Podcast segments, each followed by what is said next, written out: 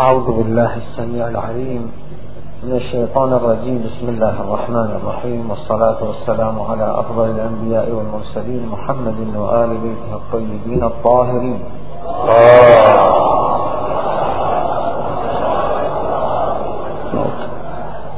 السلام عليكم أيها الحضور الكرام وأسعد الله أيامكم بالبركات واليمن ورحمة الله وبركاته.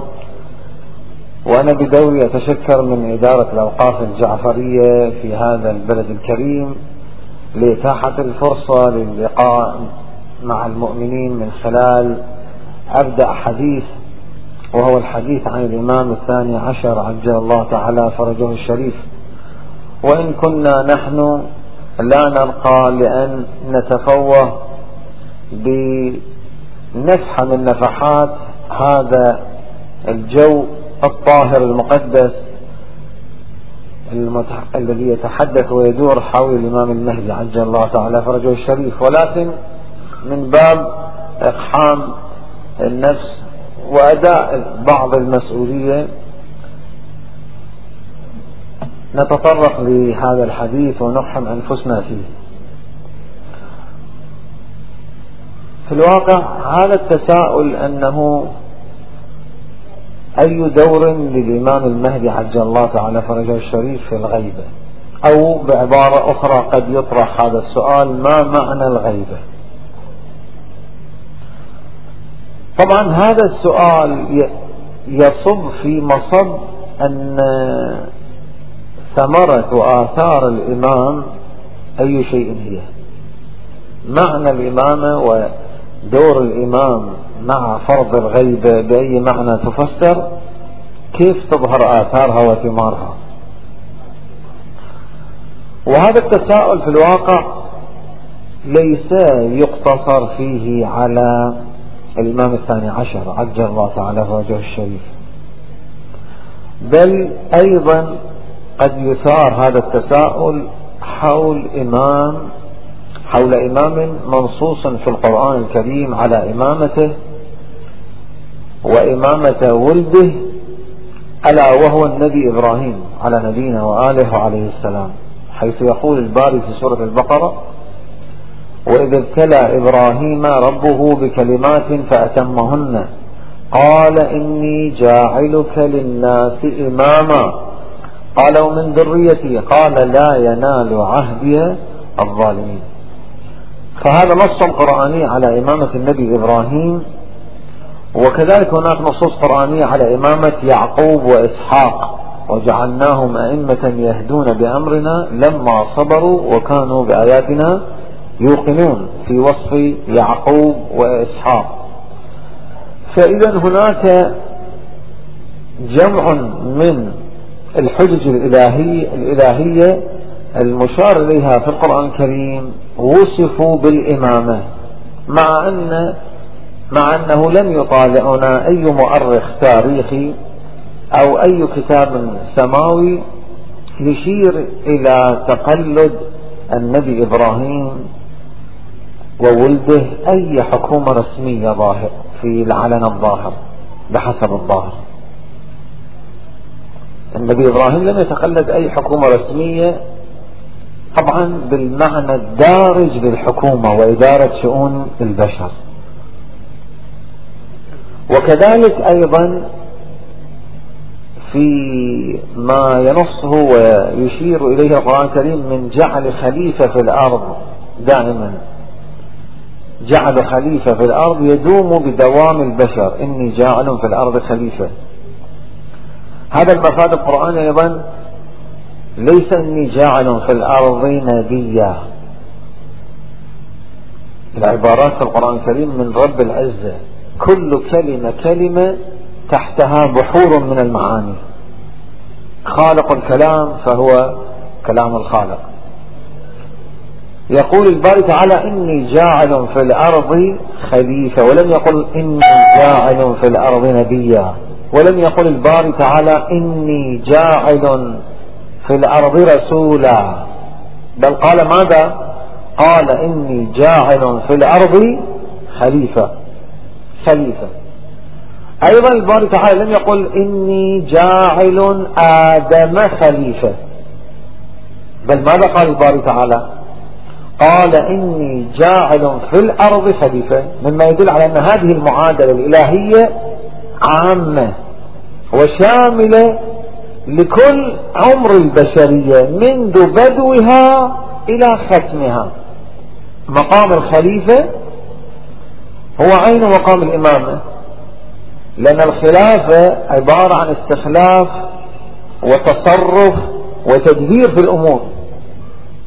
من يخلفني في أهلي؟ من يخلفني في بلدي؟ من يخلفني في دولتي؟ من يخلف يخلفني في في أرضي وبشري ومخلوقاتي. وإن كان ليس هناك بينونة عزلة للباري تعالى. ليس هناك تجافي من الباري عن التصرف في الأمور والعياذ بالله. ولكن الخلافة لها بمعنى التمثيل. فالخلافة عنوان من عناوين الإمامة. أصلا نفس ما يعني بدل يقول إني جاعل في الأرض إماما نفس التعبير إني جاعل في الأرض خليفة. الخليفة يعني مصدر قدرة وتصرف وتدبير في الشؤون. فانطبق أول ما انطبقت هذه المعادلة العامة على النبي آدم. أيضا يثار التساؤل أن آدم لم يشير لنا التاريخ أنه أقام مثلا دولة أو كان مجتمع في زمنه وما شابه ذلك. فأي معنى للخلافة؟ بل هذا التساؤل ينجر حتى إلى عهد أمير المؤمنين حيث لم يرتئي جماعة تقديمه وارتأى جماعة تقديمه. فهل يا ترى كما يعتقد أتباع أهل البيت أن إمامة أمير المؤمنين منصوبة ومنصوصة؟ الإمامة إذا في عهد علي قبل تسلمه للحكومة الرسمية لم تكن يديرها يدبرها شؤون الإمامة. وكذلك في عهد بقية الأئمة عهد الصادق والباقر. ففي الواقع هذا التساؤل إذا لا ينحصر بالدقة أريد أوسع دائرة التساؤل. هذا التساؤل لا ينحصر في الإمام المهدي. بل يستشري ويتسع هذا التساؤل حتى لمن نص القرآن الكريم على إمامتهم. نظير النبي إبراهيم وولده أو آدم أو بقية الأئمة حيث أنهم لم يطالعنا التاريخ على تسلمهم واستنادهم إلى مقاليد القدرة الرسمية الظاهرة. فهل من إجابة حينئذ لذلك؟ نعم. الإجابة أنا وسعت طريقة السؤال لأن نفس المصب في الواقع لكي نبدأ بنقاط لتفهم حقيقة الجواب. النقطة الأولى نقطة ركز عليها الأكاديميون في الجامعات السياسية الحديثة وهي أن الحكومة وإدارة شؤون المجتمعات هل تنحصر كما في اللغة الأكاديمية الأدبية السياسية القديمة في الحكومة الرسمية؟ أم أن إدارة المجتمعات وتدبير شؤون البشر له عدة طرق وقنوات لإدارة الشؤون البشرية وتدبيرها. وبعبارة أخرى القدرة في المجتمعات البشرية لها أشكال عديدة. في الأدبيات السياسية الأخيرة الآن التي تدرس في الجامعات الأكاديمية لديهم أن الحكومة ليست فقط هي الحكومة الرسمية. الحكومة التحكم في مصير المجتمعات البشرية وإدارتها وتدبيرها. الحكومة الرسمية المعلنة ليست إلا عبارة عن حكومة فدرالية أو كونفدرالية في الواقع. وإن كانت ملكية تسمى أو تسمى جمهورية أو تسمى اتحادية أو هي في الواقع كل بلدان العالم تدار حقيقة بحكومات فدرالية أو كونفدرالية. ومرادهم من الفدرالية والكونفدرالية وإن كان مع تغاير في المصطلح أي أن الحكومة الرسمية في أي بلاد كانت شاسعة تلك البلاد أو محدودة بمدن معينة. في الواقع قوى اجتماعية متعددة تتوازن وتتناسب بمعادلة معينة ويكون الحكم الرسمي الظاهري المعلن هو عبارة عن ميزان وفاق بين تلك الحكومات المتعددة. مثلا في بلاد شاسعة ترى القبلية لها قدرة ونفوذ. ترى شريحة التجار لهم نفوذ في ذلك المجتمع. المذاهب المعينة كل مذهب له نفوذ معين. شريحة الجامعيين مثلا أو النقابات أو المتخصصين لهم نفوذ.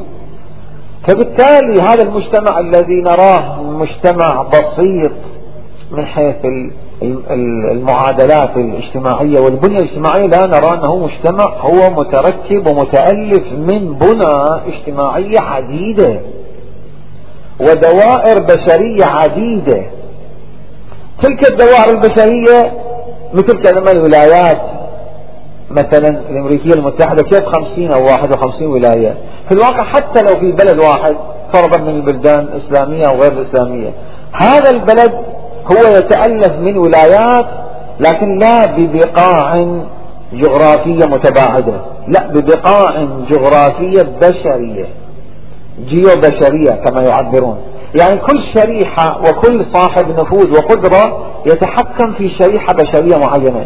إن من جهة المذهب إن من جهة القدرة المالية إن من جهة القدرة الثقافية إن من جهة القدرة القبلية وهلم جرة فبالواقع الحكومة الرسمية ليست إلا هي أحد قنوات القدرة وإدارة المجتمعات وليس الحكم والحكومة ينحصر في قناة الحكومة الرسمية. إذا هذا بداية للجواب. أنه الحكم والحكومة والتدبير والقدرة ليس ينحصر في ماذا؟ ليس ينحصر في الحكومة الرسمية المعلنة. بل هناك قنوات في إدارة المجتمعات سواء كانت إسلامية أو بشرية أو مؤمنة بطرق متعددة مثلا الآن يعتبرون الحكومة الثقافية الذي الذي يسيطر ويقتدر على الشارع الثقافي في العقول البشرية أو في عقول بلاد معينة هذا اللي يأخذ التحكم قوية في ذلك الشعب أو في في في الساحة البشرية أو في الظاهرة البشرية لما؟ لأن الثقافة حكومة من الحكومات صاحب المنبع والمصدر الثقافي يتحكم في أنسجة المجتمع معالم المجتمع سنن المجتمع أعراف المجتمع نخبة المجتمع وجوه المجتمع التي تدير. أيضا كذلك صاحب القدرة الاقتصادية. أيضا صاحب القدرة على حال المالية وهلم جرى وأيضا صاحب القدرة مثلا الجامعية وهلم جرى. فإذا هناك إذا عدة أساليب من قنوات الحكم. فإذا ليس الحاكم بحكومة تدير البشرية هو فقط الذي ينصب رسميا لا. مثلا الآن هم في تحليل أدبيات السياسية الأكاديمية يقولون لا زال نبي الإسلام حاكما على المسلمين. وذو نفوذ وقدرة لما؟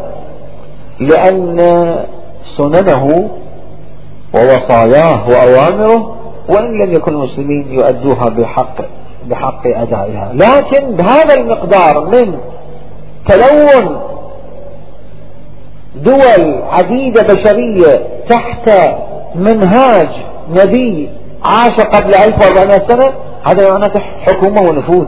ومن ثم يعبرون أن الأنبياء حكوماتهم ليست حكومات مؤقتة. المفكرين وأصحاب الثقافات ليست حكوماتهم حكومات مؤقتة. كالحكومات السياسية المعنى الرسمية؟ الآن رأوا أن الحكومات الثقافية والحكومات الحضارية أطول عمرا. وأوسع باعا. ولا تحد بجغرافيا معينة. الحكومات الحضارية التي كان يقودها الأنبياء أو أصحاب المدارس الفكرية والمدارس الثقافية لما؟ لأنهم يغزون القلوب والعقول إن كانت القدرة السياسية ربما تتحكم في الأبدان وفي الجمارك وفي الانتقال الجغرافي أما الحكومات الثقافية والحضارية تتحكم في شخصية الإنسان في فكرة في عقله في مسيرة في منهاجه في زواجه في علاقاته في في في كثير من الأمور. إذا عفوا إذا معناه أن هناك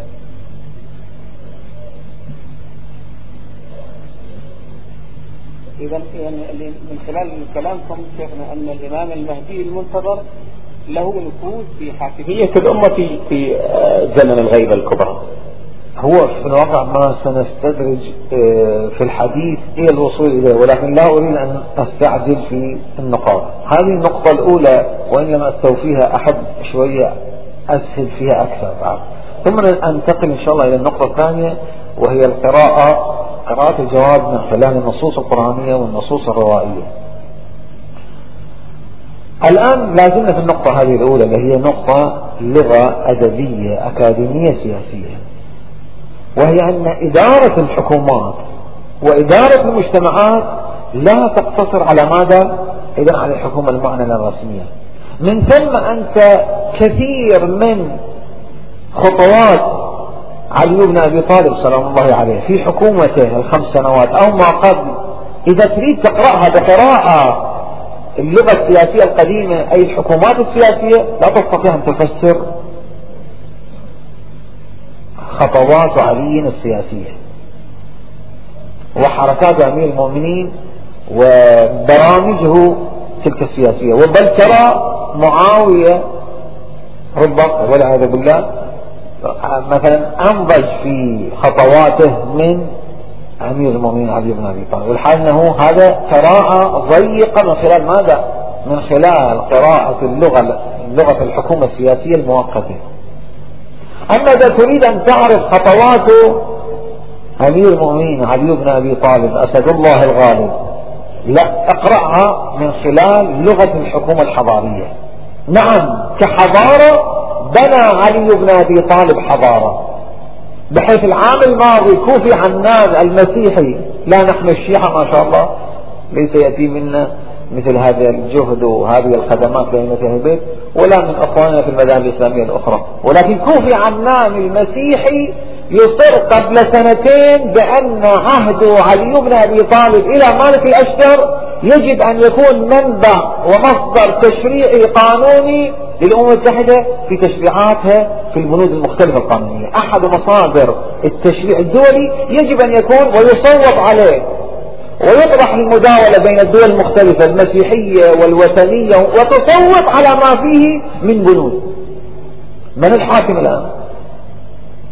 من المخلد ذو النفوذ البشرية؟ علي أو معاوية؟ نراه علي. صادق الأمم المتحدة العام الماضي على عهد علي بن أبي طالب بن أشتر والذي جذب كوفي عنان المسيح نعم إلى تشريعات علي وسنن علي أن رأى عبارة وراء ذهبية تحتاج تتعطش إليها البشرية في يومها هذا. يا مالك الناس صنفان إما أخ لك في الدين أو نظير لك في الخلق. قال هذه عبارة ذهبية يجب أن تسجل وتخط على كل منظمة حقوقية في العالم.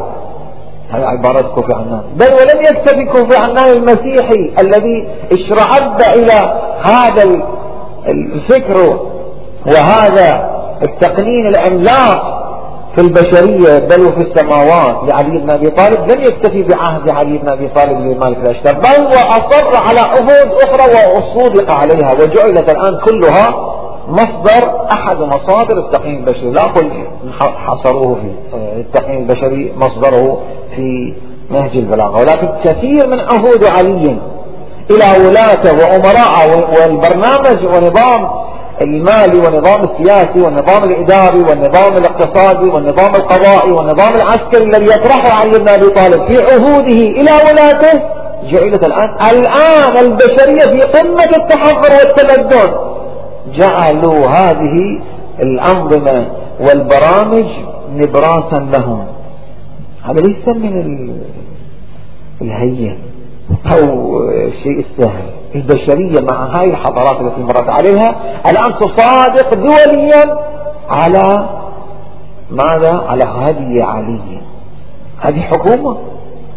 حكومة. وما المراد بالحكومة؟ أليس, أليس المحكمات الدستورية أو الهيئات الدستورية التي تحكم البلدان هي من الهيئات العليا التي تتحكم. لما؟ نقول سلطة تشريعية.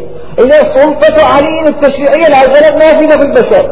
فمن الذي حاكم الآن؟ علي أم معاوية؟ نرى علي حكمه لا زال له سؤدد وهذا هو المصطلح الذي الآن وسعوه في الأكاديميات والأدبيات السياسية.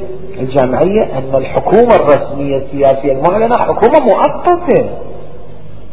زائية ذاكرة خمسين مئة مئتين أربعمائة ضغط. لا. أما الحكومة الثقافية لا تعرف حدود زمنية. ولا تعرف حدود جغرافية. ولا تعرف حدود من الأعراق الخاصة البشرية. بل تنتشر في البشر. تتجاوز هذه الحدود العرقية والجغرافية والزمنية و و و و. إذا الأنبياء والأوصياء مسيرة حكوماتهم سنن إبراهيم. نعم لا زال إبراهيم ملة إبراهيم حنيفا ومن يرغب عن ملة إبراهيم إلا من قد سفه نفسه. لا زالت إبراهيم سننه الذي سنها في البشرية تتحكم في قطاع واسع في البشرية. إذا من الإمام؟ من المدبر؟ لا زال إبراهيم إذا يدير ويدبر وحاكم متنفذ. ولا زال الأنبياء وسيدهم نبي الإسلام نعم حاكم ومتنفذ ومطاع في أوامره. إذا فلغة الحكومة والإدارة والتدبير للمجتمعات البشرية أبدا لا تنحصر في الحكومات السياسية. أصغرها وأهونها وأكثرها عمرا الحكومة الرسمية المعلنة. وأما أوسعها تلك الحكومة العقائدية والحكومة الحضارية والحكومة الثقافية وحكومة البنى. صادق لا زال نعم يتحكم في أتباعه. لما؟ اختط منهجا. مسيرة ثقافية اختطها. مسيرة على النخبة في أتباعه اختطها. مسيرة حتى على البشرية في مجالات عديدة تمدنية اختطها من خلال تلاميذة جابر بن حيان وغيره وغيره إذا الحكومة لها أساليب وأدوار مختلفة. بل أزيدكم أيضا ما ذكروه ووسعوه أيضا في الحكومة. هناك حتى حكومة ماذا؟ الحكومات الخفية. الآن دول العالم لا ريب أن الحكومات الرسمية المعينة ليست هي مصدر قوة الحكومة. مصدر قوة الحكومات حتى الآن في الأدبيات السياسية الموجودة الجامعة حتى الجامعية مصدر قوتها قوة خفية فيها. تسمى المخابرات CIA أو ال KGB أو Scotland Yard أو ما هو أخفى عن من هذه المؤسسات أكثر وأكثر. كلما ازداد جسم الحكومة الخفي خفاء ازدادت قوته. عجيب الخفاء مصدر قوة نعم هذا الذي تطرحه الشيعة الاثنى عشرية من الخفاء والغيبة والخفاء ويقال عنه أنه باطنيين ويقال عنهم أنهم أسطوريين ويقال عنهم أنهم خرافيين ويقال عنهم أنهم غنوصيين ومن هالكلمات المتشدقة الكثيرة الرنانة الجوفاء الخواء. الآن البشرية تسجد راكعة لهذا المنطق وتقول هذا المنهج جبار. نعم. كلما ازداد الجسم الحاكم خفاء ازداد بها دهاء. وهو الذي يحمي الدول. أي دولة بلا جهاز حاكم خفي أصلا دي الدولة معرضة للتهديد الاقتصادي للتهديد الأمني للتهديد الثقافي للتهديد المالي للتهديد سقوط عملتها لا لا لا, لا ما شاء الله. ليس في جانب معين. فقط قنوات ضغط معلومات لا. أصلا في كل الأجهزة في كل وفي العسكر والأمن لا فقط. أمن اقتصادي موجود أمن مالي موجود أمن ثقافي موجود تهديد ثقافي موجود. أمن زراعي موجود تهديد زراعي موجود. إذا في كل الحقول البشرية عنصر من عناصر ال ال ال ال الشريانية في الإدارة ما هو؟ الخفاء. في إدارة أي حقل في أي إدارة أي ميدان. عجيب إذا هذه الفكرة التي ينادي بها الشيعة من 1200 سنة في غيبة إمامهم والخفاء. الآن البشرية تبجلها أنها عنصر قوة هذه عنصر مقدرة. الخفاء ليس عنصر خرافة وأسطورة وما شابه ذلك. بالعكس الآن البشرية هي, هي آتية بهذا شكل آخر من أشكال الإدارة والحكم. استعرضنا الآن أربعة أشكال. إذا الأخوة جردوا الأساليب التي نقلناها في النقطة الأولى عن الأدبيات السياسية الأكاديمية الحديثة. وفي بعد أسلوب آخر. عفوا شيخنا قبل الانتقال للأسلوب الآخر لأن أنت وضحت أن آه، السر في الغيبة أن الخفاء يعطي قوة وهيمنة أكبر. طيب إحنا الآن نتكلم عن غيبة. قد لا نتكلم عن خفاء. الخفاء قد يكون موجود ولنا صلات مع القائد ولنا صلات مع الإمام ولنا صلات أما الإمام المهدي أسدل عليه ستار التغييب. الآن عملية الاتصال به وتوجيهه إلى الأمة آه، هل يدخل ضمن دائرة الخفاء أو التغييب؟ هذا بالضبط الذي نريد أن نصل إليه أن في مفهوم مغلوط انتشر عبر قرون للأسف حتى في الوسط الداخلي عند الشيعة والاثنى عشرية فضلا عن الطوائف والمذاهب الإسلامية الأخرى. من مفهوم الغيبة بل لا أخفيكم هذا الخبر ربما وصلت حتى إلى كتابات بعض علمائنا الأبرار رضوان الله تعالى عليهم من معنى الغيبة وهو أن معنى الغيبة يعني عدم وجود هو نائي في أقاصي الديار مجمد.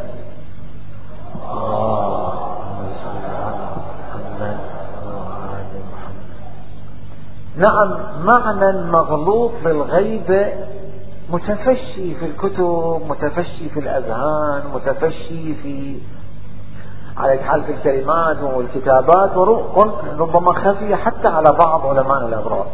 والحال أن معنى الغيبة ليس هو ما هو الآن منتشر في أذهاننا أنه ناقي نائي في أقاصي الديار بعضهم عبر جزيرة خضراء بعضهم جزيرة حمراء. على كل جزر نأي أقاصي أو أنه بعض ربما عبر في العالم الهرقليائي وتعابير بعد كثير أكثر وأكثر. يعني ليس موجود بين أظهرنا وليس موجود. يعني الغيبة بمعنى انعدام وزوال أعوذ بالله. وكأنما الإمام المعصوم هذا النور الأكبر عليه تعالى مغيب في فريزر في أقاصي الجزر والديار مغلق عليه إلى أن يعون أوان الظهور. والحال هذا معنى خاطئ من معاني الغيبة جدا أصلا لا يعتقده فحول علماء الإمامية. معنى الغيبة مقابل الظهور. لذلك نحن نعتقد بالظهور ولا نعتقد أن الغيبة مقابل الوجود. أو الغيبة مقابل المجيء. كانما الغيبة معنى رواح. ثم الظهور ثم مقابل الغيبة يكون مجيء. لا. الغيبة مقابل الظهور. والظهور ماذا يعني؟ في مقابل الخفاء. ظهر الشيء خفي الشيء. فبقرينة ما تواتر في عقيدتنا ورواياتنا ونصوصنا على اتحاد بل نصوص المسلمين. الظهور يعني بمقابل الخفاء لأن الغيبة بمعنى الزوال والانعدام. إذا كما تنص عليه على الحل النصوص القرآنية الكثيرة وتنص عليه الروايات التي سأبينها في نهاية المطاف. أن الغيبة بمعنى الخفاء خفاء هوية بعد مو خفاء أصل الوجود. شلون الآن من باب التقريب للذهن فقط أقول؟ شلون الآن أنه الأجهزة كما يقولون الآن حتى في باطن جهاز المخابرات السي آي في جهاز أخفى منه بعد. وعقدوا له دراسات كثيرة. مثلا من باب المثال هذا هذه غيبة غيبة بأي معنى غيبة هوية. يعني أنت لا تشخص هذا الطرف من هو كذا.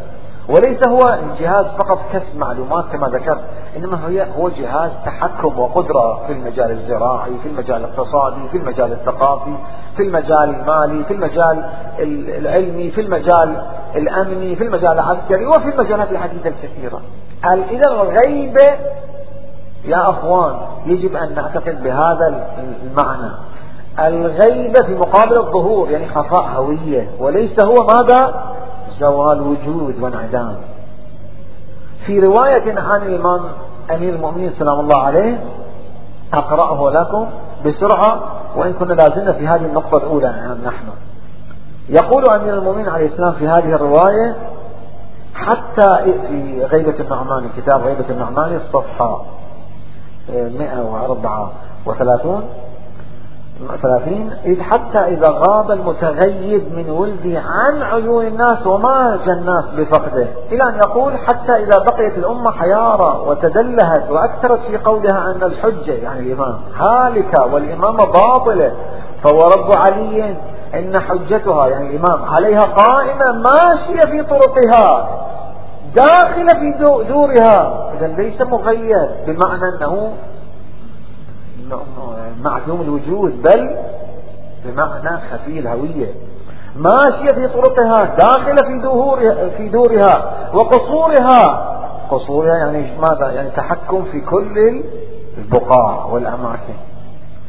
في شرق الأرض وغربها اللطيف أن يومين يعني ماذا؟ يعني يريد أن يقول أن يومين أنه عليه السلام عند سيطرة نفوذ في شرق الأرض وغربها مع خفاء هويته. عنصر القوة هو خفاء الهوية. تسمع الكلام. يعني الحجة تسمع الكلام. يعني هو يسمع الكلام. يعني يسيطر إذن على كل الأوضاع.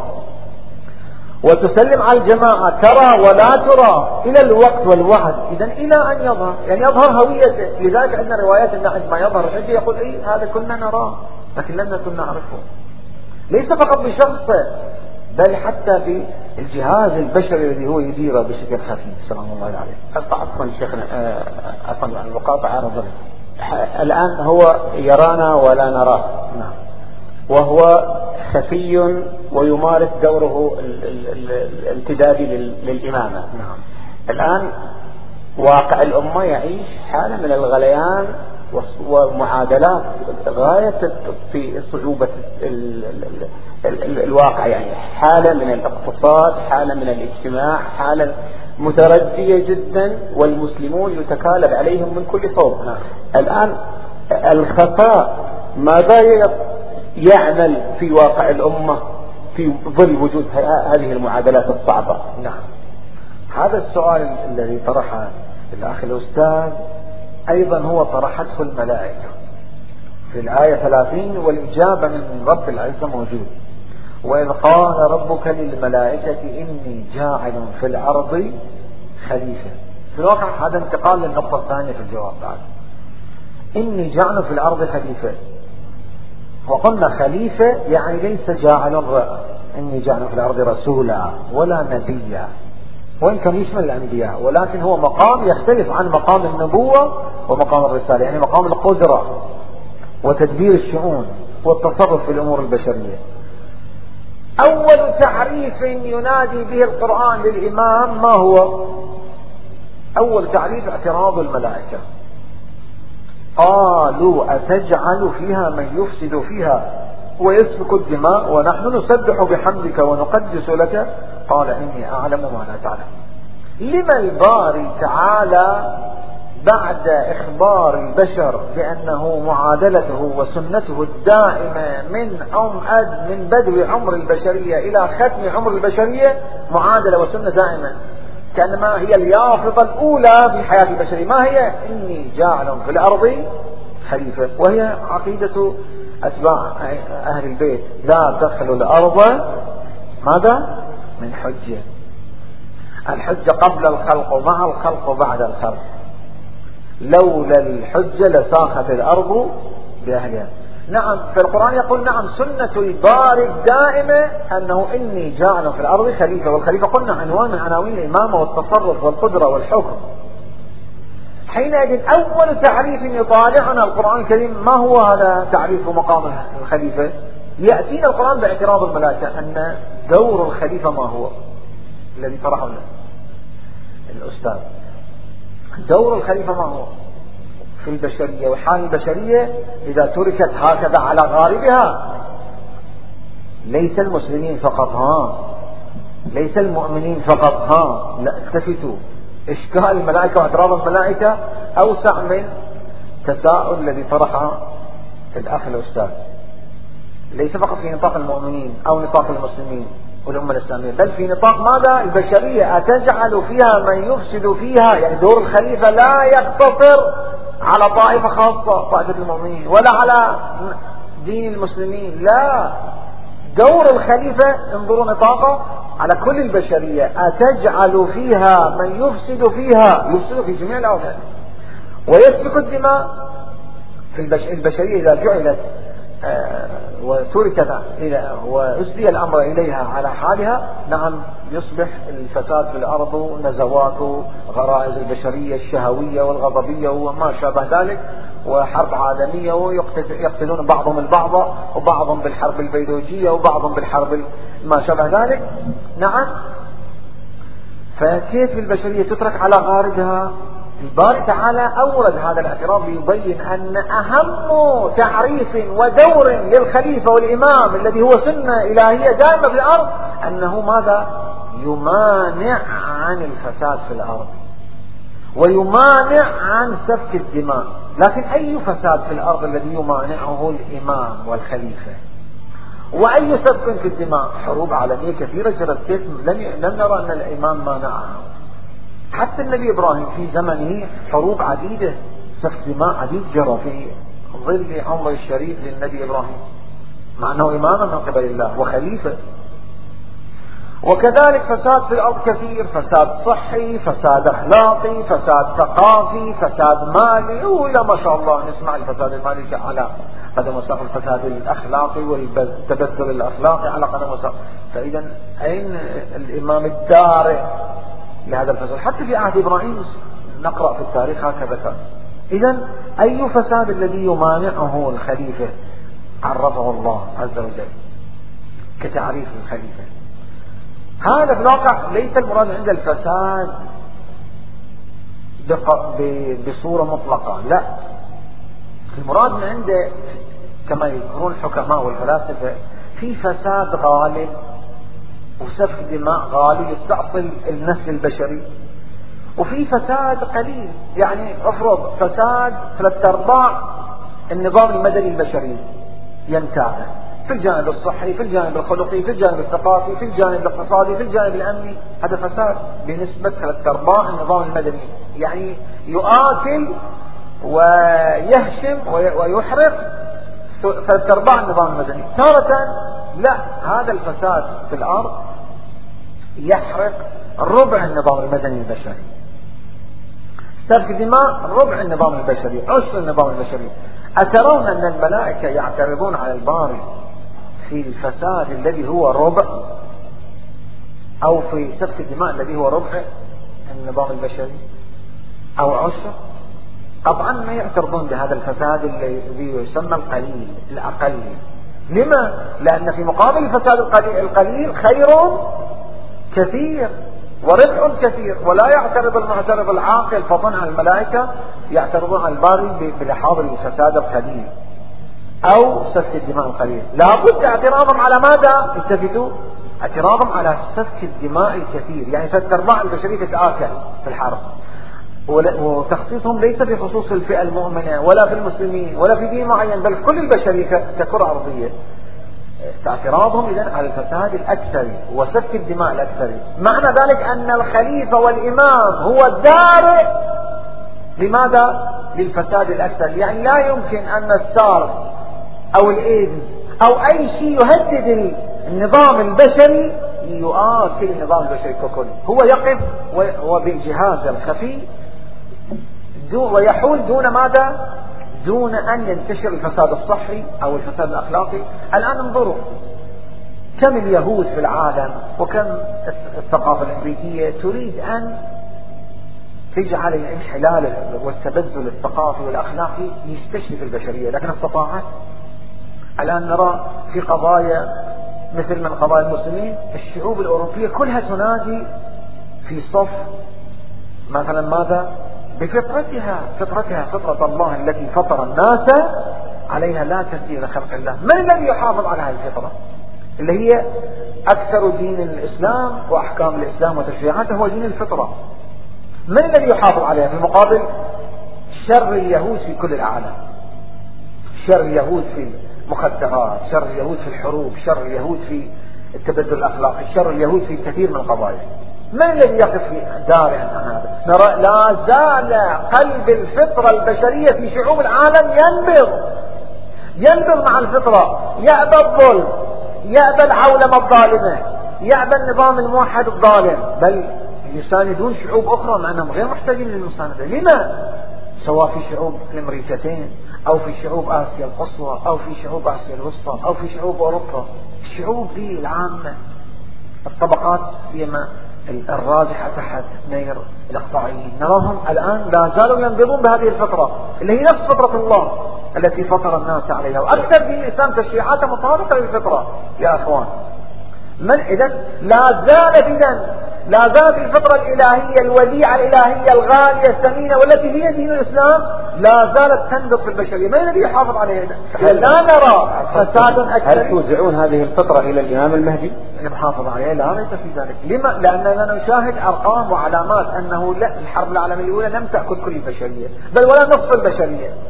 الحرب العالمية الثانية كذلك والحروب الأخرى كذلك الفساد الصحي كذلك الفتن الاقتصادية كذلك الفتن الأخلاقية كذلك. نراها لا تقوض ثلاث أرباع النظام البشري النظام المدني البشري الفطري ولا تقوض نصف النظام المدني المدني البشري وبناء بناء بنى وبنيت النظام المدني البشري الفطري نراها لا زالت محافظ عليها. بشكل غالب حتى. دعك الآن تقول أوه هؤلاء ليسوا مسلمين. يا أخي الإسلام ثلثي تشريعات فطرية. قبح الظلم حسن العدل هذا من أسس الإسلام. وهم الآن كل الفترة البشرية تؤمن بها. المساواة العدل ال ال الكثير من القضايا. إذا الإمام سواء في عهد النبي إبراهيم من ها هنا يتضح دوره. آدم يتضح دوره وإن لم يتقلد الحكومة الرسمية. وإن لم يتقلد المنصب الرسمي. لكن ماذا؟ لكن لا زال يضخ في البشرية عبر جهازه الخفي وهو أقوى أجهزة أي إمام سواء النبي إبراهيم أو آدم أو أئمتنا المعصومين عليهم السلام وعلى الأنبياء. صلوات الله. كلهم إذا يحافظون عبر أجهزتهم الخفية على نظام هذه الفترة البشرية هي وزيحة إلهية غالية الثمن في كل المجالات. فإذا الإمام ليس دوره ينحصر في الأمة الإسلامية. فضلا عن أن ينحصر في الطائفة المؤمنة. بل الإمام دوره في كل البشرية أن هذه وزيحة إلهية. نعم عبر عبر الدور الخفي من هذا الجانب. فمن ثم نرى القرآن يطرح لنا في تعريف الإمام ما هو؟ إذ قال ربك للملائكة, للملائكة إني جاعل في الأرض خليفة. يعني إمام يستخلف له قدرة إدارة شؤون.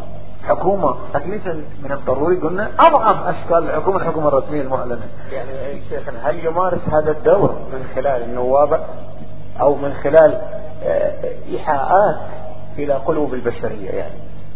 في الواقع القنوات عديدة المذكورة في روايات الفريقين من السنة والشيعة وحتى النصوص القرآنية. وهذا هي النقطة الثالثة اللي أريد أتوصل لها والحمد لله سلسلة الأفكار متوائمة ومتناسبة. هذه هي النقطة الثالثة أنه هو القرآن يطرح هو نفسه أساليب للقدرة والتحكم في القدرات البشرية. ولأجل قيام الخليفة والإمام كسنة إلهية دائمة في درء الفساد البشري فساد صحي فساد أمني فساد أخلاقي كما ذكرنا في كل البشرية هو يحاميها. يطرح لنا القرآن في ماذا؟ في سورة الكهف. في سورة الكهف مطلع سورة الكهف ما هو؟ يا أخوان مطلع كل سورة في القرآن وهذه نكتة تفسيرية لطيفة. مطلع كل سورة هو كما يذكر المفسر الكبير رحمة الله عليه العلامة الطرطائي ونعم ما يقول هو مستفيد ذلك من رواية عن البيت أن مطلع كل سورة يمثل المعنى الأهم في تلك في طوال تلك السورة. المعنى العام المنتشر في تلك السورة في سورة الكهف يطالعنا القرآن الكريم. فلعلك في أوائل السورة فلعلك باخع نفسك على آثارهم إن لم يؤمنوا بهذا الحديث أسفا. يخاطب النبي طبعا من باب إياك أعني واسمعي يا جارة. خطاب للمسلمين أن الإنسان قد يكون وجل أمام الدعوة الإسلامية. لا تنتشر لا كذا لا كذا. حينئذ يبدأ القرآن الكريم يقول إنا جعلنا يبدأ القرآن الكريم يطرح أسلوب انتشار الدعوات ويطرح أربع أو ثلاث أساليب بالقرآن الكريم في سورة الكهف لاحظوها وهي سورة الرموز وسورة الخفايا سورة الكهف. يطرح القرآن الكريم أنه أحد أساليب انتشار الدعوة الإلهية أصحاب الرقيم. قصة أصحاب الرقيم أصحاب الكهف. أصحاب الكهف أسلوب دعوتهم ومنهاجهم ما هو؟ هو تحريك فطري من الله لأصحاب الكهف لأن اهتدوا إلى التوحيد ونبذوا الشرك. هذا المنهج وهو الآن هذا متبع الآن في الدول والقوى والقدرات. وهو يسمى ماذا؟ الإيحاءات والخواطر. باللغة اللاتينية الإنجليزية التليباثي الجلاء السمعي والجلاء البصري والجلاء الفكري والتخاطر وغيره وغيره. هو مطروح حتى في ثقافة المسلمين بمعنى الإلهامات هذا أسلوب وهو الفطرة الهداية الفطرية. ثم يطرح القرآن الكريم أسلوب آخر. أسلوب ماذا؟ أسلوب آخر لنشر الدعوة وهو الأسلوب الخفي. وهو قصة من؟ قصة الخضر. هل يا ترى قصة الخضر طرحها القرآن الكريم أسطورة أو قصة رومانية؟ أعوذ بالله القرآن منزه عن ماذا؟ الخيالات والتخيلات والخرافات والأسطورات. إذا ماذا يعني يا أخوان استعراض القرآن الكريم في ذيل السورة في وسط الصورة التي تعني بشؤون انتشار ودعوة الإسلام؟ قرأت لكم مطلع السورة. فلعلك باخر على نفسك إن لم يؤمنوا بهذا الحديث أي حديث دعوة الإسلام. أسفا يقول القرآن الكريم أحد أجوبة هذا التساؤل ما هو؟ دور الخضر كمثال كنموذج. الخضر ماذا كان دوره؟ كله في الخفاء. وبشكل شبكة خفية. حيث يقول فوجد عن نبي موسى وعلى نبينا وآله وعليه السلام فوجد عبدا من عبادنا مغمور مخفي. وهو تحفة للمهدي أنيس للمهدي كما في الروايات لدينا الخضر من ضمن شبكة المهدي والمهدوية. وله دولبية خاصة في هذه الشبكة الخفية.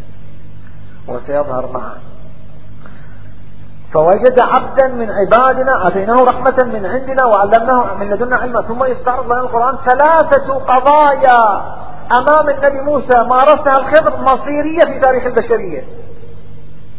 قضية ماذا؟ ردع الظلم الاقتصادي الذي يؤثر في اقتصاد عامة البشر.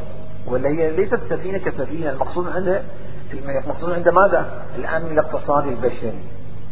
القصة الثانية التي يستعرضها لنا القرآن الكريم في هذه النشاط والحركة الخفية للخضر الذي ألفت الباري تعالى موسى النبي موسى على نبينا وعليه عليه السلام إلى ما يقوم به الخضر. ما هو قصة ثانية قصة الصبي. في الروايات الفريقين أن هذا الصبي لو قدر أن يعيش لقطع نسل سبعين نبيا. في روايات الفريقين. يعني ماذا؟ يعني الخضر يجي يقوم بحركات مفصلية مصيرية خطيرية في الهداية البشرية. لأن لو كان هذا باقي لقطع البشرية وحرم البشرية عن سبعين نبيا وهذا حرمان عظيم في تمدن البشر وهداية البشر. القصة الثالثة أيضا القصة الثالثة عبارة أيضا أيضا عن أصحاب الجدار والكنز لهما. يعني بعبارة أخرى مثل ما نقول كفالة الأيتام وكفالة الفقراء والطبقات المحرومة.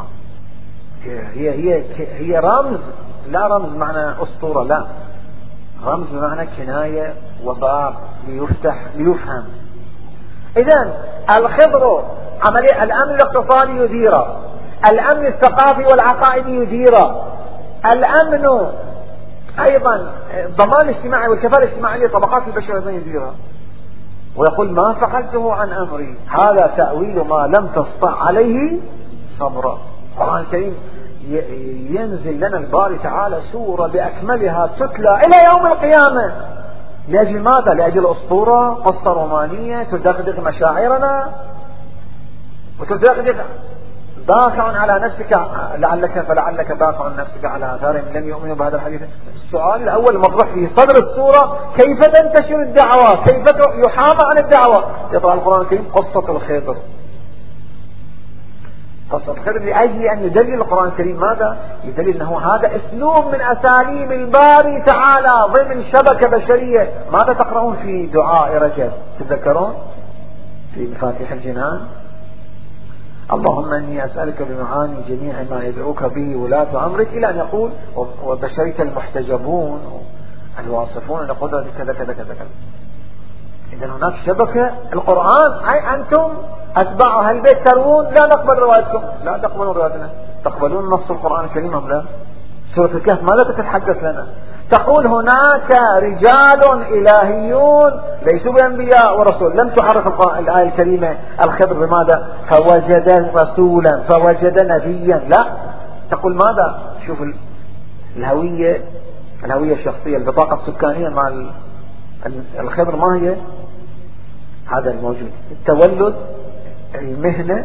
قال فوجد عبدا من عبادنا آتيناه. أولا هو ولي من أولياء الله الأعظام لأن شرف بهذا اللقب من عبادنا آتيناه رحمة من عندنا والمهم وعلمناه من لدنا علم يعني لديه علم لدني.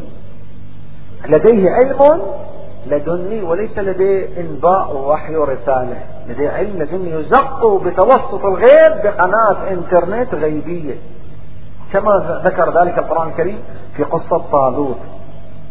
ملكة ابعث لنا ملكة. ملكا ليس نبيا.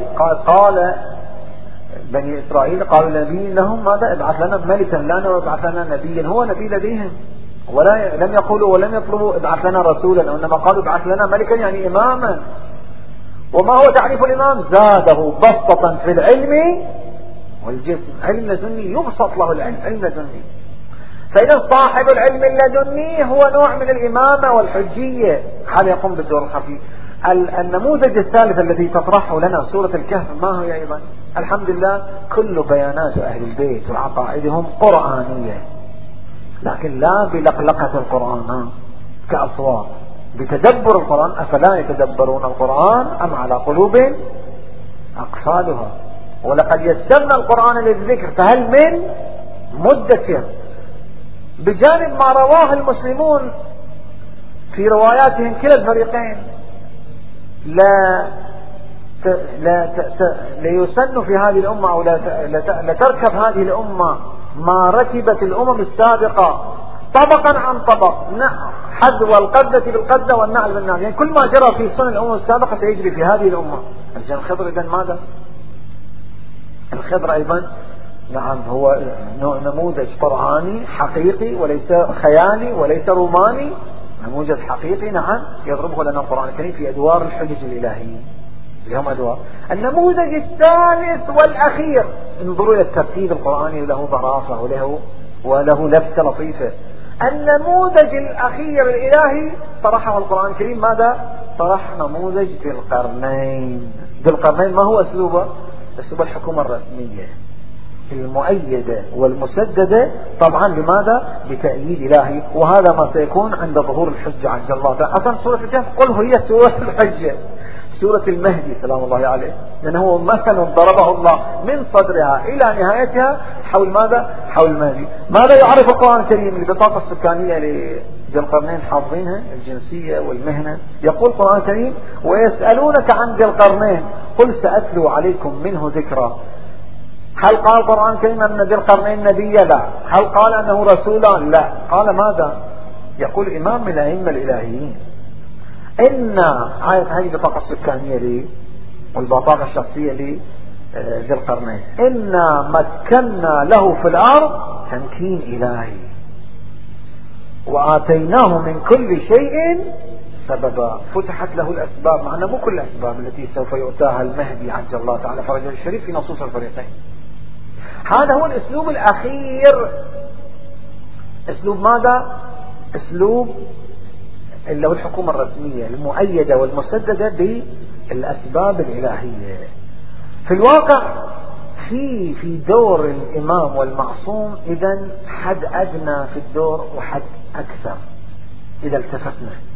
انظروا إلى الفارق ما بين سورة البقرة وهذا طبعا هذه كلها بإرشادات روايات أهل البيت وإلا ما كنا لنهتدي لولا أن هدانا الله بالقرآن وبالثقل الثاني أهل البيت. هاي كل هذه المضامين إذا الإنسان حصل العلوم الدينية يستطيع أن يستشرف ويرتشف من هذه العلوم هذه النقاط والمعلومات من روايات أهل البيت في تفسير الآيات.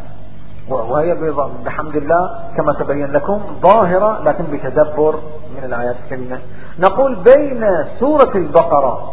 ما تطرحه سورة البقرة وما تطرحه سورة الكهف. كما نبه على ذلك أئمة أهل البيت عليهم السلام. هناك حد أدنى لدور الخليفة وهو الإمام كذا القرنين كطالوت كالخيبة دور أدنى ودور أعلى. الدور الأدنى ما هو؟ درء الفساد العام الفساد الخلقي الفساد الزراعي الفساد الصحي الفساد الأمني الفساد العسكري الفساد الثقافي الفساد السياسي ولا مجرد. درء الفساد لا يستشفي به أكثر البشرية. والدرء طحن الحروب للبشرية. يعني النفس البشرية يجب أن لا يستأصل لا ينقرض. هذا أدنى دور هذا أدنى دور يقوم به الخليفة والإمام. وأعلى دور ما هو؟ نظير دور ذي القرنين.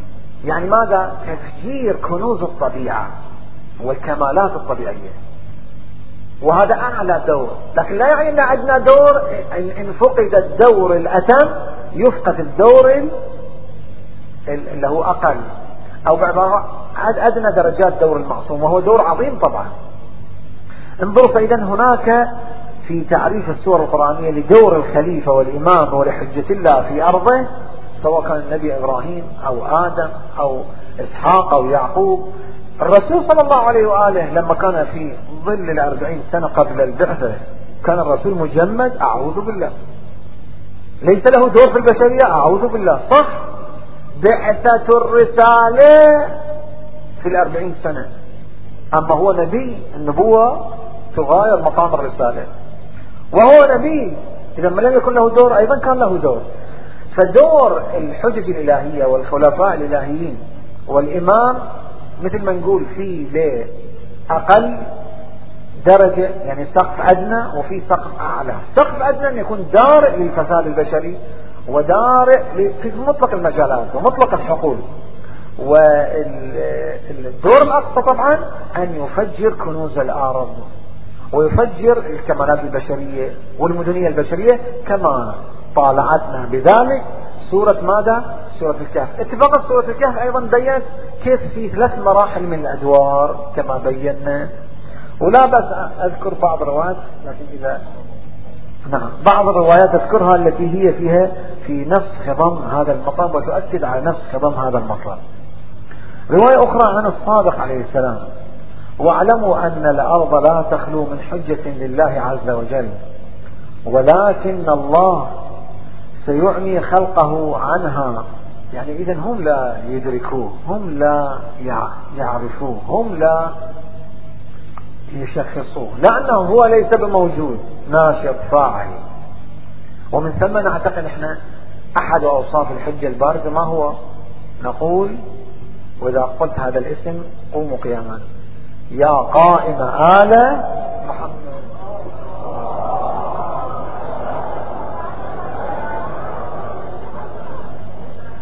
أنا أسائل الأخوة لما هذا اللقب من بين بقية ألقاب الحجة اختص بها؟ لما؟ حتى في عهد الباقر وعهد علي بن أبي طالب أمير المؤمنين وسيد الوصية وأبو الأئمة كلمة قاف ألف همزة ميم مختصة بالمهدي. وإن كان كلهم قائمون بالأمر عجل الله سلام الله عليهم كما في الروايات لكن لما هو أكثر اختص بهذا اللقب؟ لما؟ اتفاقا لأجل تنبيه تنبيهنا في العقيدة أن المهدي في غيبته يقوم بالأمور يقوم بالوظائف. يقوم بما عليه وليس قاعد. فضل الله. المجاهد على القاعد ليس بقاعد بل هو قاف ألف همزة يقوم بالأمور. نفس المادة. وهذه من من الإعجازات الإلهية. قبل ولادة الحجة وبعد ولادته وما شابه ذلك وإلى الآن نحن ننهج بهذا اللقب. وهو من أبرز ألقاب الحجة. للدلالة على أنه هو ولي الأمر. ليس فقط هو ولي المؤمنين بل هو ولي المسلمين. بل وليس فقط ولي المسلمين هو ولي البشرية. أجمع وجمع. ومن ثم إذا نحن نعتقد بأنه هو ملقب بهذا اللقب من النبي ومن الوصيين وهذا اللقب فعلي لديه. فإذا هو, هو ليس بقائم في أي برهة من البرهة. قد يقوم بالأمور. ناشط فاعل. لولاه لساقت الأرض. تأكلت البشرية ولا هذه الشهوات والنزوات الموجودة بين رؤساء الدول النووية. بضغطة الزر يفنون البشرية. من الذي يهجئهم أو في أجهزتهم أو شوية يعقل انتشار وإفشاء العقلنة في البشر. وروحية الأخلاق والآداب الفطرية في البشر. ولا لو كانت على اليهود لتمنوا أن تأكل البشرية وتحصد بعضها بعضا. ولينتشر الأمراض البيولوجية وتنتشر الأمراض على الحالة الثقافية والأخلاقية و و و و يسعون في الأرض فساد هؤلاء اليهود. كما أنزلنا القرآن الكريم في سورة الإسراء وفي سورة الأعراف وفي سورة أخرى قرآنية. الذي يقف أمام حائل أمام هذا الموجود الغريب المخلوق البشري هو هو سلام الله يعني فإذا نعم. فإذا هو هذا هذا اللقب أتم من الرواية هذا اللقب من أبرز ألقابه عز الله تعالى فرجه الشريف كما يشير تشير إلى مضمون هذه الرواية. ولكن الله سيعمي خلقه عنها بظلمهم وجورهم وإسرافهم على أنفسهم. ولو خلت الأرض ساعة واحدة من حج الله أحد تفسيرات ساخة الأرض أن البشرية؟ عندهم الغرائز جنونية ما تقف لأحد يفتكون في بعضهم البعض كالكلاب المسعورة. نعم. السؤال الأخير حقيقة نبغى نطرحه له صلة بالغيبة وله صلة بالظهور فقط تلمم هاي الرواية بصفر واحد. عفوا. ولا ولو خلت الأرض ساعة واحدة من حجة لله لساخت بأهلها ولكن الحجة يعرف الناس ولا يعرفونه كما كان يوسف يعرف الناس وهم له منكرون. ولقد كان يوسف إليه ملك مصر أصلا هو يتحكم في ملك مصر. وكان بينه وبين أبيه آه، مسيرة 18 ومع ذلك كان خافي عليهم. فما تنكر هذه الأمة أن يكون الله يفعل بحجته المهدي ما فعل بيوسف وأن يكون صاحبكم المظلوم المجحود حقه صاحب هذا الأمر. يعني هو الذي يتحكم في أمور البشرية يتردد بينهم في أسواقهم. ويمشي في أسواقهم ويضع فرشهم ولا يعرفونه حتى يأذن الله. له أن يعرفهم نفسه كما أذن ليوسف آه، بالنسبة إلى هذه المحاورة الجيدة الطيبة طبعا إحنا آه، شاركين في واقع الحال إلى المعلومات الجيدة والمثيرة التي يثيرها سماحة الشيخ. ولكن آه، لضيق الوقت نحاول أن نطرح سؤالا أخيرا. نطلب من سماحة الشيخ الإجابة عليه بشكل مقتضب. له صلة بالظهور وله صلة بالغيبة في واقع الأمر. هو آه، بمثال عن ذي القرنين وأنا أتصور أن هناك رواية تقول أن ذي القرنين حينما خاطب ربه سأله كيف أستطيع أن أقيم دولة عالمية أو أن أكون حاكما على العالم؟ واختلاف اللغات واختلاف الجنسيات واختلاف الرؤى واختلاف الثقافات. الآن نحن نعيش تعدد واختلاف في الثقافات والرؤى والجنسيات والمذاهب والمدارس بشكل أكبر مما كان عليه في زمن ذو القرنين. كيف يستطيع الإمام المهدي؟ كما يقول الإمام الباقر يضع الله يده على رؤوس العباد فيجمع بها عقولهم وتكمل بها به أحلامهم. ما هي الطريقة العملية التي يستطيع أن يجمع كل هذه الشعوب تحت رأية واحدة ودولة واحدة؟ يعني على ترند بالمقدار خمس دقائق ولو أسجل بعض رؤوس الأقلام إلا الليالي قادمة في آه، مواضع شريفة أخرى. ربما نكون بخدمة الأخوان ببسط. هذه هذا هذا المجال وهذا المحور. وهذه المرحلة من بحث العقيدة العقيدة المقدسة بالإمام المهدي عز الله تعالى فرجه الشريف. نحن نرى في الظواهر البشرية ظواهر جدا مدبرة على الصعيد أشكال الدول على صعيد الثقافة القانونية على صعيد الثقافة السياسية على صعيد الثقافة الفكرية. كلها كما يتدبره الباحثون الاجتماعيون والباحثون العقائديون والباحثون في المجالات المختلفة يقولون كلها نزوع ونزوح ونزوع بشري نزعة بشرية نحو فكرة المهدوية. فكرة الإمام المهدي الآن البشرية تلقائيا في المجال القانوني في المجال الفكري في المجال الثقافي في المجال حتى العقائدي هي نازع نازحة وملجئة كأنما بشكل معقلا إلى نحو هذه الفكرة. أصلا فكرة الأمم المتحدة أي فكرة هي؟ هي فكرة الحكومة الواحدة فكرة القانون الواحد فكرة تشطيب العرقيات والقوميات وال وال وال وال وال وال إلى وحدة بشرية واحدة ذات عدالة واحدة ذات استواء في الحقوق واحد ذات تعارف واحدة هذه هذه أحد بنود المهمة في فكرة الإمام المهدي التي يطرحها المسلمون عامة. يعني أن عقيدة الإمام المهدي أو فكرة المهدي والمهدوية للإمام المهدي سلام الله عليه هذه الفكرة والعقيدة والنظرية لم تقتصر كقاسم مشترك لوحدة المسلمين لأن كل المسلمين الحمد لله رووا أنه سيخرج الله من ذرية فاطمة.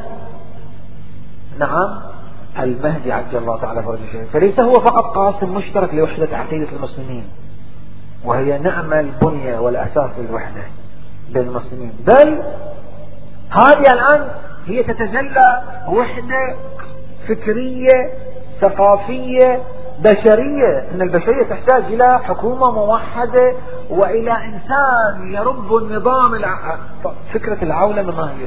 عجيب. أفكار نراها كلها كلها تنسجم مع وحدوية الدولة في البشرية والنظام المدني البشري النظام التجاري البشري النظام الاقتصادي البشري النظام الثقافي البشري الأمني ال ال ال الزراعي البشري. في الواقع ظواهر عجيبة في القانون. في الإدارة في المجالات المختلفة البشرية من عولمة أو النظام العالمي الموحد أو الأمم المتحدة نراها ترتقي البشرية هي تصعد السلم المهدوي من حيث لا تشعر. إحنا ليس نحن في عقيدتنا المهدوية والعقيدة من المهدي كلمة ميم ها داليا. تجيبها لغة إنجليزية تجيبها لغة أخرى. أنت عليك من بنود الفكرة. بنود هذه العقيدة بالواقع كلها جاي تتجلى الآن في الفكر البشري في الفكر القانوني البشري في الفكر السياسي البشري في الفكر الإداري البشري في الفكر الاقتصادي البشري في الفكر التجاري البشري في الفكر الحقوقي البشري. البشرية الآن في حالة نزوح نحو أصل فكرة البشرية فكرة المهدي وعقيدة المهدي بتمام بنودها في الواقع يعتقده المسلمون بحمد الله في رواياتهم أجمعين مع اختلاف التفاصيل في حول المهدي. الواقع هو هذه البشرية في حالة اعتقاد.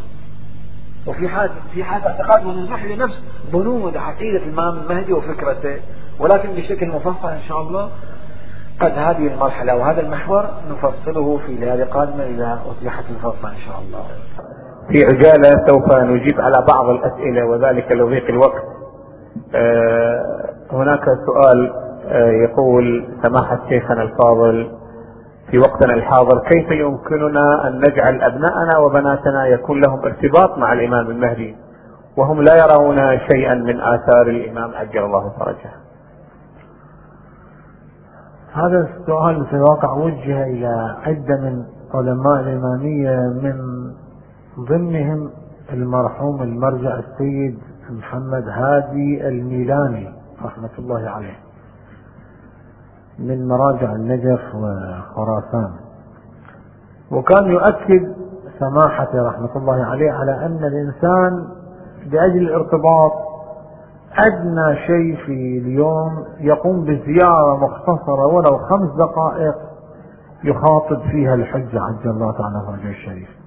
طبعا طرق الارتباط متنوعة متعددة.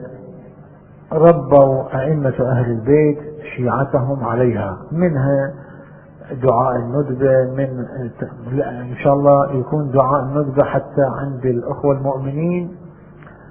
كما هو موجود على كل في بلدان أخرى من المدن اللي يقطنها المؤمنين. كل يوم جمعة الصباح دعاء الندبة التركيز عليه مدرسة ثقافية تربوية جدا انصافا وروحية. وكذلك على حال في المساجد أو في الحسينيات وما شابه ذلك. وإن شاء الله تقوم آه، إدارة الأوقاف بمثل هذا النشاط المبروك. وكذلك على حال قراءة حياة الإمام سلام الله عليه منذ تولده إلى غيبته. تكثار الإصدارات لأن الآن نحن لدينا مثل ما نقول آه، عبوة ثقافية عقيدية. كنا المسلمين فقط لسنا نحن على أطباع مدرسة أهل البيت. عندنا شيء نستطيع أن نجذب البشرية فيه كل كل بكل البشرية أجمع. نجذبهم إلى أن فكرة وجود مصلح عالمي ينشر السؤدد والعدالة ومن خلال كراسات. فالمفروض أن تتضافر الجهود على حال في الكتابة حول المهدي ولو بشكل كراسات بشكل نبذ عن جوانب متعددة ويقوم المؤمنين على حال بنشرها وب سواء من حتى حتى في روايات الصحاح. آه، الأخوة آه، من أهل سنة الجماعة نعم في البخاري وكذا. في روايات كثيرة في هالمضمار حول المهدي عجل الله تعالى فرجه الشريف وإن كان في خصوص البخاري وصحيح مسلم ليست بلفظ المهدي لكن نفس الروايات موجودة. في صحيح النساء وغيرها من الكتب فضلا عن روايات آه، أتباع مذهب أهل البيت. فالمفروض إن شاء الله يقوم المؤمنون وكل حسب دوره بذلك. شيخنا هذا سؤال غريب لكن لا بأس أن يجاب عليه. هل هناك ارتباط بين مثلث برمودا ومكان ومكان اختفاء الإمام المهدي؟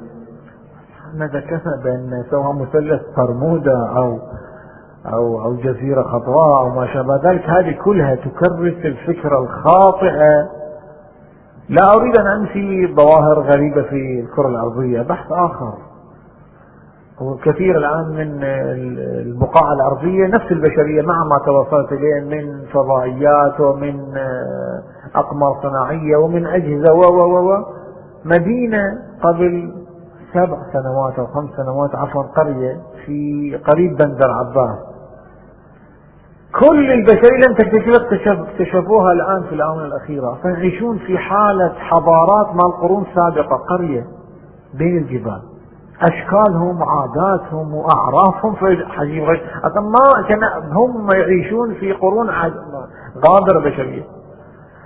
فالمقصود أنا لا أريد أن أنفي وجود البقاع البقاع العربية كلها مكتشفة من قبل البشرية. لكن الذي أريد أن أقول أنه تركيز بالفكرة أنه الإمام نائي قاصي في أقصى الديار. هذه فكرة غياب وتغييب هذا خطأ يؤكد عليه القرآن الكريم ويؤكد عليه أئمة أهل البيت أنه حاضر ناشط خفي الهوية وليس معدوم الوجود.